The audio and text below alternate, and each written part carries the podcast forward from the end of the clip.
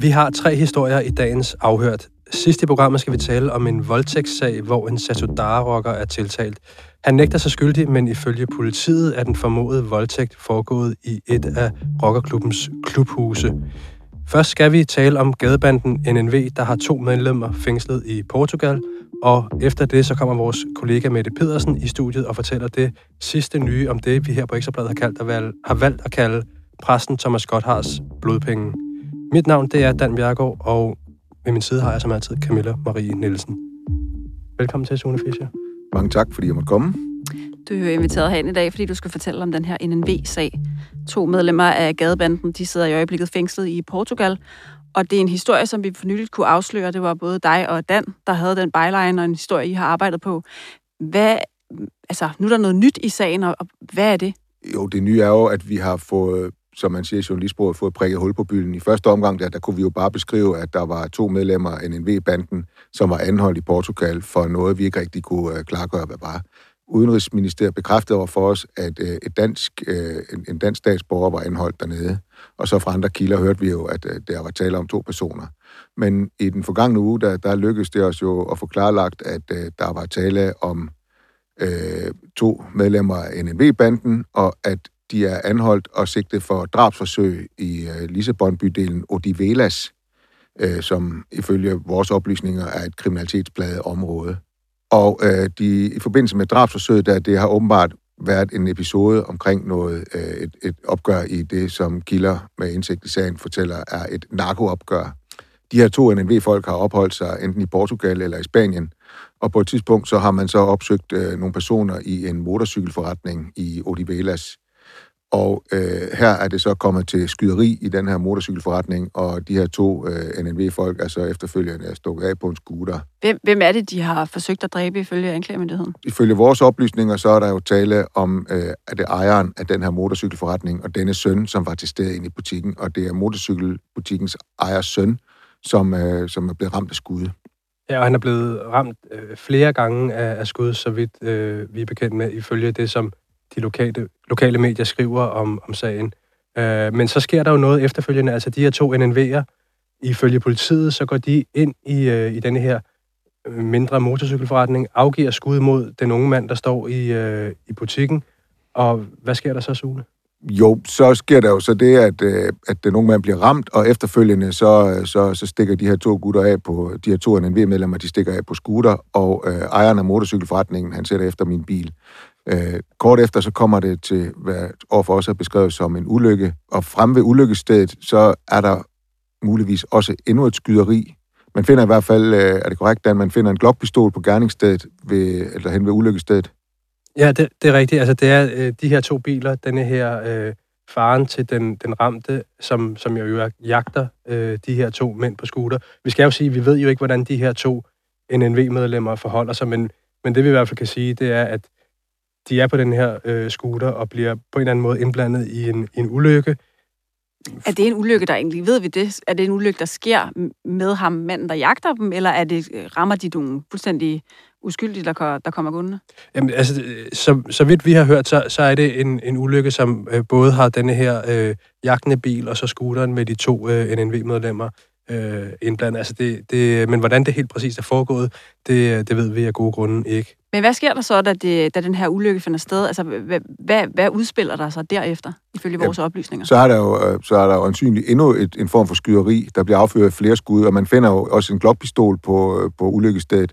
Og altså, det vi så også ved, det er, at den ene af de her to NV-medlemmer, han har været indlagt, men enten er han blevet udskrevet, eller også så, så sker det meget snart fra sygehuset. Er han været indlagt med skud, eller det ved vi, det ved det, vi ikke Det ved vi ikke, det ved Nej. vi ikke. Jeg går ud fra, at det er skader fra den her ulykke, han har pådraget sig. Øh, altså nu er det jo i Portugal, det ved I jo også selv, at det kan godt være lidt svært at hive øh, konkrete oplysninger ud af, ud af hvad det her udlandske myndigheder, som man ikke har en eller anden daglig kontakt med. Så det er jo sådan lidt småt i forhold til, hvad vi kan rive sammen, men vi skal selvfølgelig arbejde videre på den her sag og se, hvad den følger. Og de sidder jo så øh, varetægtsfængslet nu i, i den her sag, de her to NNV-personer. Øh, øh, ved vi, hvorfor at de var i Portugal? Altså, vi hører jo tit om det her med, at de holder til på den spanske øh, solkyst, men, men hvad laver de i Portugal?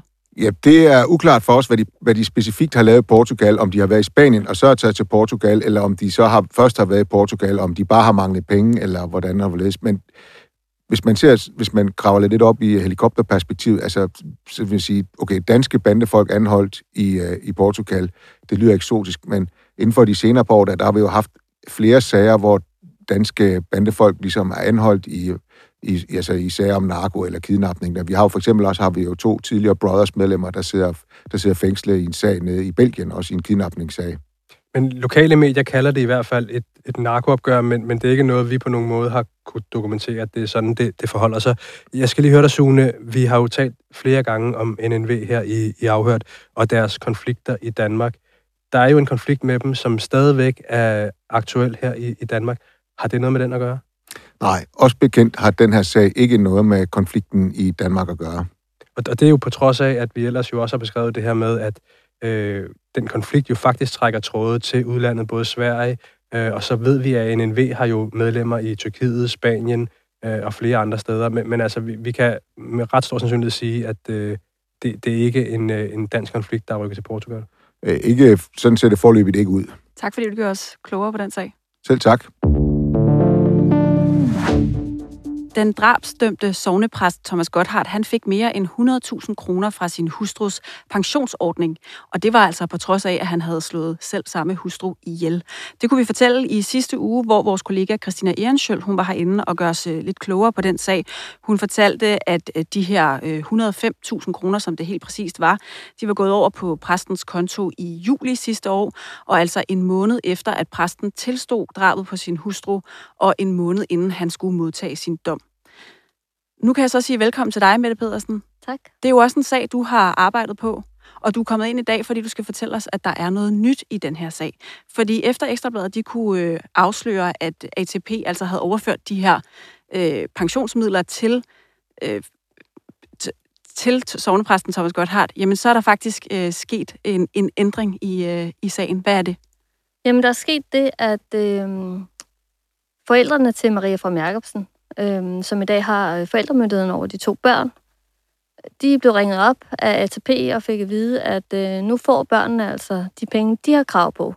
Det viser sig, at i alt 60.000 af de 105.000, der gik ind på Godhards konto, det var faktisk nogle penge, som børnene skulle have haft, men som han fik, fordi han jo var deres far og væve. Og det var det, vi kunne fortælle i sidste uge, for dem, der ikke har lyttet med, at, at generelt så er reglerne sådan for ATP, at øh, to uger efter døds, dødsfald, jamen, så går de ind og overfører de her midler til de, de nærmeste efterladte, og ret ofte er det en ægtefælde.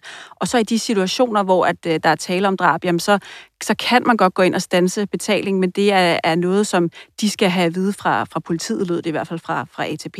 Det var i hvert fald deres forklaring for, hvorfor at uh, sovnepræsten Thomas Gotthardt, han fik sin kones uh, øh, ATP-midler øh, uh, tilbage i, i juli sidste år. Men nu får børnene til Maria From Jacobsen, som, som uh, jo er navnet på, på den kvinde, som Thomas Gotthardt slog ihjel, hans, hans hustru. Børnene, de får så 30.000 hver, øh, som, som tilkommer dem, og som de har haft øh, ret til hele vejen igennem. Men øh, der var jo 105.000 kroner, øh, som, som blev overført. Hvad, hvad sker der med de resterende 45? Umiddelbart med de resterende 45.000, så sker der det, at de, øh, dem ved ATP tilbagesøge, hedder det. Altså, de vil søge om at få dem øh, tilbageført fra Godhards konto. Og øh, helt præcis, hvordan man gør det rent juridisk, det ved jeg faktisk ikke, men han er jo frakendt retten til at arve hende, så jeg tænker ikke, at det bør volde dem for mange problemer, men hvis det lykkes, at de får penge tilbage, så, øh, så er det altså ikke sådan, at øh, børnene også får dem, eller de tilgår deres nye værger, de ryger ind i ATP's pengekasse. Og hele den her sag handler jo om, at det skal simpelthen ikke øh, kunne betale sig at slå nogen ihjel. Man skal ikke tjene på at, at slå nogen ihjel. Og det er jo lidt det, man kan sige, Thomas Gotthard har gjort i den her situation. Øh, han har nok ikke regnet med det, men i hvert fald er systemet indrettet sådan, at han får de her 105.000 øh, kroner. Men skal det forstås sådan, at øh, hvis nu det ikke var Thomas Gotthard, der havde slået Maria From Jacobsen ihjel, så havde børnene kunne nyde godt af de her 105.000 kroner via deres far. Nu får de så kun 30.000 hver. De her 45.000, de forsvinder, fordi Thomas Gotthard har ikke øh, krav på dem. Øh, så i princippet får de meget mindre, end, end hvad de egentlig kunne have stået til. Altså man kan sige, det ville jo ikke være deres penge, hvis nu at Marie Maria fra Jacobsen var blevet slået ihjel af en fremmed. Så ville Thomas Gotthardt jo have fået de penge, som, øh, som, øh, som hans, hendes ægtefælde Så det vil være hans, og så vil børnene få noget. Og de får de penge, fordi de er under 21. Det er sådan en øh, engangsudbetaling, som øh, ATP er indrettet med. Så, øh, så de vil under ingen omstændigheder have fået de penge. Man kan, men man kan jo godt synes, det er måske sådan lidt uretfærdigt, når nu at det er nogle penge, som tilgår de nærmeste arvinger, og en af de nærmeste arvinger har slået hende ihjel hvorfor det så ikke går til børnene, eller dem, der nu skal tage sig af dem. Man kan sige, nu siger du, at de her resterende 45.000, de kommer til at gå til medlemmernes øh, samlede forsikringsformue. Hvad betyder det helt præcist? Ja, det ved jeg sgu ikke. Altså, det, det betyder, at, øh, at det går ind i ATP's kasse, og, og, og det er jo sådan en ligesom pensionskasse, som investerer midlerne, så det går ind i en eller anden samlet øh, sum, øh, som forhåbentlig nogle andre får glæde af på et tidspunkt. ATP er jo en, en livslang pension, du får, så det er jo ikke fordi, at at det går ned i direktørens lommer eller noget. Det går ligesom ind i den her i pengekassen. Kender vi til andre sager af den her slags? For det er jo ikke første gang, at en, en mand slår sin hustru ihjel, eller en ægtefælle slår sin partner ihjel i det hele taget. Det er klart, at vi er jo ved at undersøge, hvor, hvor stort et problem det her er. Og, øhm, og det seneste, vi ligesom har fået at vide af ATP, det er, at øhm, det, det fremgår af en, af en instrukspridsadvokaten fra 2016, at det er anklagemyndighedens ansvar at øh, at underrette ATP, hvis der sker et dødsfald, og hvor drabsmanden muligvis skal finde sin nærmeste familie. Og så skal de bede om at stoppe. Ved vi, og om der, det bliver efterlevet? Jamen, der siger ATP så i dag til os, eller det var måske i virkeligheden i aftes, at, øh, at de har aldrig modtaget en underretning fra anklagemyndigheden. Hvilket jo indikerer, uden at vi kan sige det 100%, at det her må være sket igen og igen og igen. Og øh, når man så tænker på, at vi ved en tilfældighed opdager, opdager, at der er begået den her fejl, så kan man jo kun gisne om, hvor mange sager, som så er gået under radaren, hvor de her penge rent faktisk bare er gået ind på morderens konto. Og jeg ved, det her det er en sag, som I også forsøger at øh, få justitsministeren til ligesom at forholde sig til. Tak fordi du øh, gjorde os lidt klogere på den her sag og kom ind og fortalte om den nye udvikling. Det Som vi sagde i indledningen, så er et centralt medlem af Satudara i disse dage på anklagebænken i en voldtægtssag. Camilla, det er en, du følger og var i, uh, i retten i går. Var, var det i Næstved, du var? Det var i retten i Næstved, ja. Det var første retsdag i går. Og øh, første retsdag, det er jo altid øh, den her dag, hvor anklageren øh, fremlægger sagens øh, forhold ifølge anklagemyndigheden. Hvad er det, de mener, der er foregået i det her Satudara-klubhus? Jamen, den her pågældende Satudara-rocker, han er jo tiltalt for at have voldtaget en kun 18-årig pige i et øh, klubhus i Haslev. Et, et nyere klubhus, som Satudara erhvervede sig sidste år i, i sommeren 2021. Og man kan sige, at i, i anklagerens forelæggelse, der kom hun ind på, at der havde været fest i det her klubhus. Det, de havde været en, en lille øh, sammenslutning af folk, som havde øh, været i godt humør, festet den her aften, og på et eller andet tidspunkt i løbet af cirka 45 minutter den her aften, der er den 18-årige pige så blevet voldtaget. Og de mener, at det er den her, øh, det her Sasodara-medlem, som er stået bag voldtægten. De mener også, at det er en voldtægt, der er begået jeg kan man sige, øh, med vold, men også med den her nye samtykkelov. Altså, han, han har ikke fået samtykke fra den 18-årige pige til sex. Så derfor så er han tiltalt efter både hvad kan man sige, voldtægtsparagrafen, hvor man har øh, benyttet sig af vold, men også øh, den paragraf, der handler om, at han ikke har indhentet samtykke. Og jeg ved, at på første dagen, der fik vi faktisk også øh, den her rockers egen forklaring. Han var i øh, vidneskranken. Hvad er det, han fortæller? Jamen altså, han var rimelig overrasket over hele situationen, hvis man skal sådan sige det helt præcist. Han synes jo ikke, at han bør sidde øh, der og være, og være anklaget for, for sådan ret øh, grov øh, voldtægt, må man sige.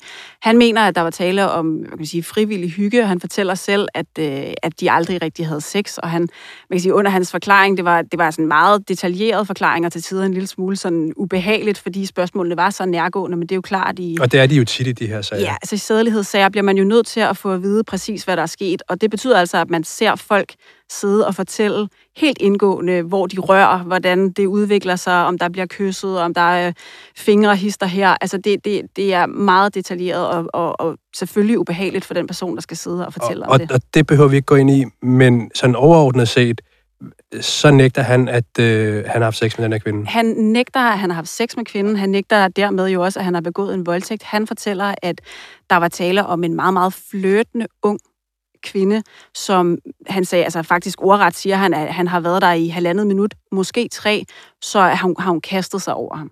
Øhm, og hun flytter, og hun er meget interesseret i ham. Hun, ifølge rockeren her fortæller hun, at hun kender ham og, og ved, hvad han hedder. Og, og i, i løbet af den her aften, der begynder de altså at, at kysse og, og ender på et tidspunkt i en sofa i det her klubhus. Det er jo sådan et, øh, en industribygning, som, som Satudara har totalt renoveret. Vi kender øh, klubhuset på Finlandsvej i Haslev fra Banditers og Gremium. De har også holdt til i det her klubhus, og det har altså været en ruin øh, tilbage, da øh, Banditers havde det. Der har blandt andet også været en stor brand, der gjorde, at, at den var fuldstændig ubrugelig, den her bygning. Men Satudara har altså øh, tip-top i bygningen med sillebensparket og lyse møbler. Der er fladskærm, spisebord og et helt spritnyt køkken. Og man så ligesom billeder af det her øh, klubhus og den sofa midt i stuen af, af klubhuset, hvor voldtægten den skulle have, have foregået. Så ifølge rockeren, så har der altså været en 18-årig kvinde, der har kastet sig over ham i det, han er kommet ind i øh, klubhuset. Men der sker ikke mere. Giver en forklaring på, hvorfor det ikke udvikler sig til mere? Jamen, han fortæller, at øh, de ender i sofaen, hun sidder ovenpå ham, de kysser, og på et tidspunkt så, øh, ja, så går han i seng. Altså, han fortæller ikke sådan, hvorfor det ikke øh, bliver til mere, eller hvorfor, øh, øh hvorfor de ikke udvikler, udvikler sig til sex, men han fortæller selvfølgelig, at den her kvinde, hun... Øh, hun, hun er så frisk og flirtende, at hun med det samme fortæller ham, at hun allerede tidligere på aftenen har haft sex med en anden. Og hun siger så til ham, uanset hvor, altså det er jo så rockerens forklaring det her, men han siger, hun siger, uanset hvor, hvor liderlig du er, jamen så skal vi ikke have sex os to, fordi jeg skal ikke være sammen med to på en aften. Du må vente til i morgen. Og det, det er den forklaring, han, han kommer med, at, at øh, det er vigtigt for hende ikke at, at have sex den aften, og det respekterer han, fortæller han. Øh, altså, de har bare øh, lidt sjov, og hun rører hans halløj, som han øh, fortæller i retten. Han, øh, han har meget svært ved at sige øh, ordet penis, så han bruger konstant øh, ordet halløj, som ligesom dækker over hans, øh, hans lem. Det, der jo også er i den her sag, det er, at øh, der er øh, jo selvfølgelig andre vidner, og øh, det lidt specielle, det er, at den her person, som hun angiveligt skulle have haft sex med øh, tidligere på aftenen, det er et prospect i Satudara, altså en, øh, en rockerlærling, hvis vi, kan, hvis vi kan sige det sådan. Han var også i øh, inden at afgive forklaringen. Hvad sagde han?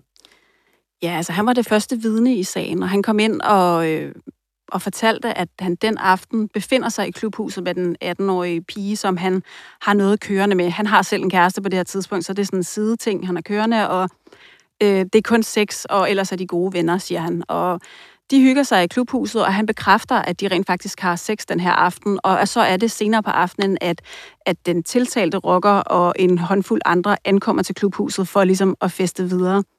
Øhm, han fortæller, øh, to forskellige ting, kan man sige. I hvert fald i løbet af den her sag har han fortalt to forskellige versioner, og det kom også frem i retten i går, øh, hvor han så henholder sig til sin anden version af sagerne. Men, Hvad er men, den første? Ja, men den første version, den kommer sådan kort tid efter øh, den her øh, angivelige voldtægt, som skulle være foregået 12. december sidste år.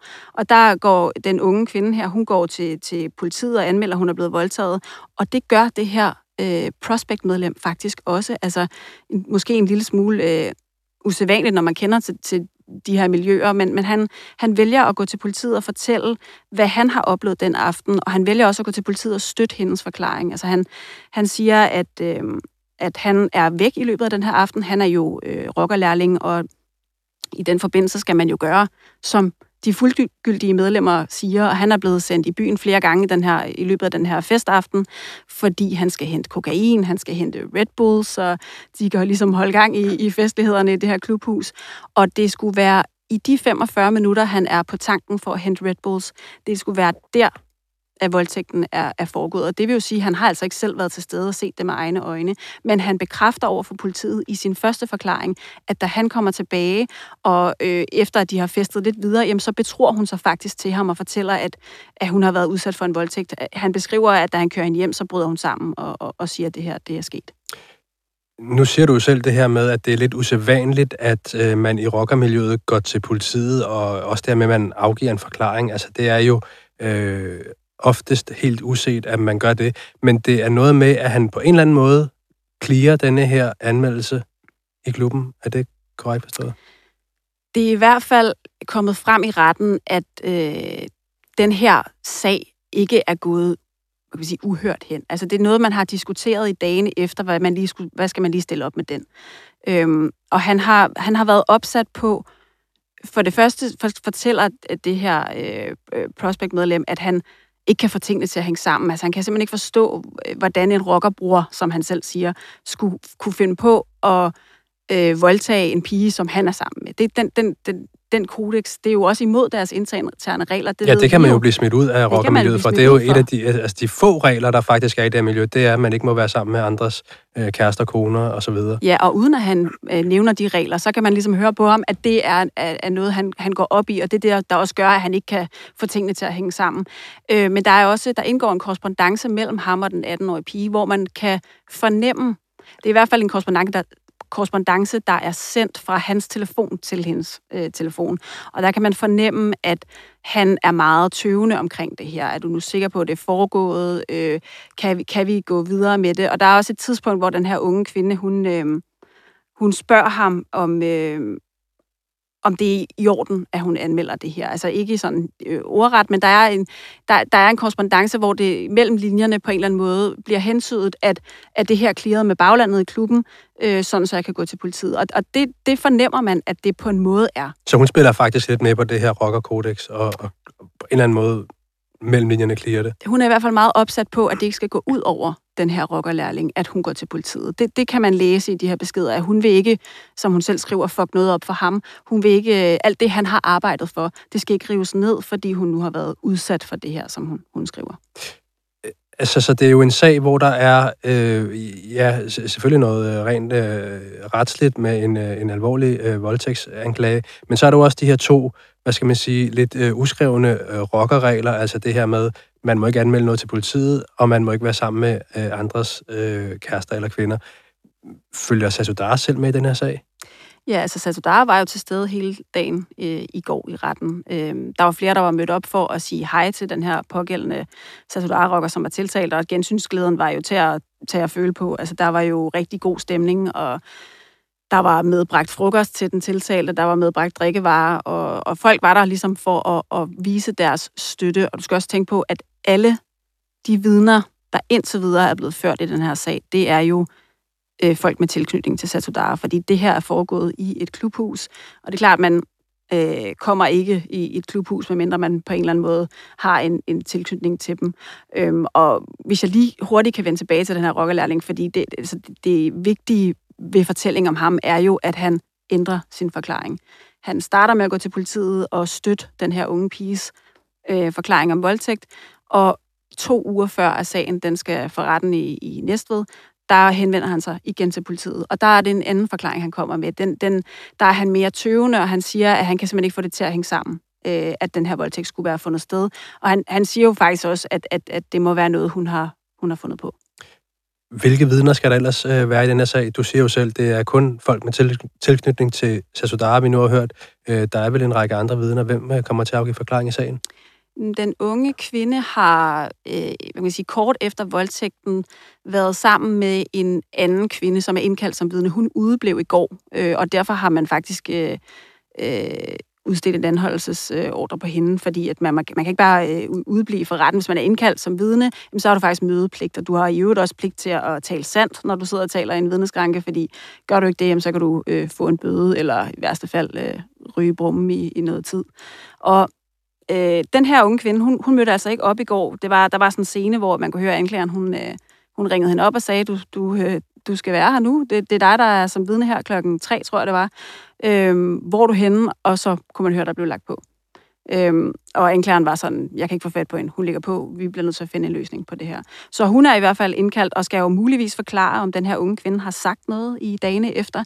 Altså hvis man har været udsat for en voldtægt, kunne man måske forestille sig, at man også betror sig til veninder, familie, øh, whatever omkring sig, for ligesom at, at få det ud af systemet. Så har der været alle de her Satudara-rocker, som alle sammen støtter øh, den anklagedes øh, forklaring. Altså, de, de, øh, det er både prospect og, og fuldgyldige medlemmer, som, som siger, at de kan simpelthen ikke få det til at hænge sammen. Og øh, altså, det er jo svært at sige, hvad der er op og ned, og man, det, det aner man jo aldrig i sådan nogle her sager. Det er heldigvis op til retten at finde ud af, hvad der, hvad der egentlig er sket, men samtlige vidner plus den tiltalte præsenterede jo et billede af den her unge kvinde som en, der var meget ustabil og meget fløtende og havde meget lidt tøj på, var der en af dem, der sagde.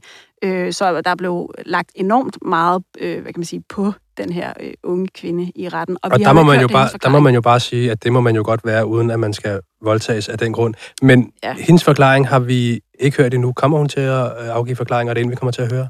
Imens vi optager nu her, der burde hun faktisk sidde og afgive forklaring. Øh, hun var indkaldt torsdag morgen. Øh, slud og vrøl. Hun, har, hun, er blevet, øh, øh, hun er blevet afhørt over en videoafhøring. Det er sådan, som at voldtægtsoffre, de, de kan få lov til ikke at møde op i retten og blive afhørt øh, på video, og så kan det blive afspillet i retten som sådan en... Øh, fordi man i forvejen er, har været ude for en ret voldsom situation, jamen, så skal man jo ikke yderligere øh, krænkes. Og når den så er blevet afspillet, jamen, så kommer hun så øh, angiveligt på et videolink, hvor man så kan stille øh, opfølgende spørgsmål. Men hendes forklaring, det er for lukkede døre, og det er jo også en mulighed, man har, når man øh, er offer i, i sådan en sag her. Øhm, og derfor så ved vi ikke, hvad hun kommer til at forklare. Hvornår er der dom i sagen? Der er forventet dom øh, i næste uge onsdag. Det hedder den 6. april, tror jeg. Og Camilla, det bliver ikke dig, der dækker den sag, jeg har afhørt? Det gør det ikke, nej, og det skal vi måske også lige sige, det er aller sidste afhørt for, for mit vedkommende i dag. Det er jo næsten helt trist. Det er meget trist. Du skal til et, øh, et, et andet arbejde. Vi er selvfølgelig øh, meget ked af at miste dig her i, øh, i afhørt. Men øh, ja, for, for mig og vores producer Rasmus Søgaard, som altid har produceret det her program, så siger vi i hvert fald øh, tak for, øh, for den tid, vi havde her i programmet. Og øh, så, kan, så kan det jo være, at du på et tidspunkt vender øh, retur og vil være med i afhørt igen. Det ved man aldrig.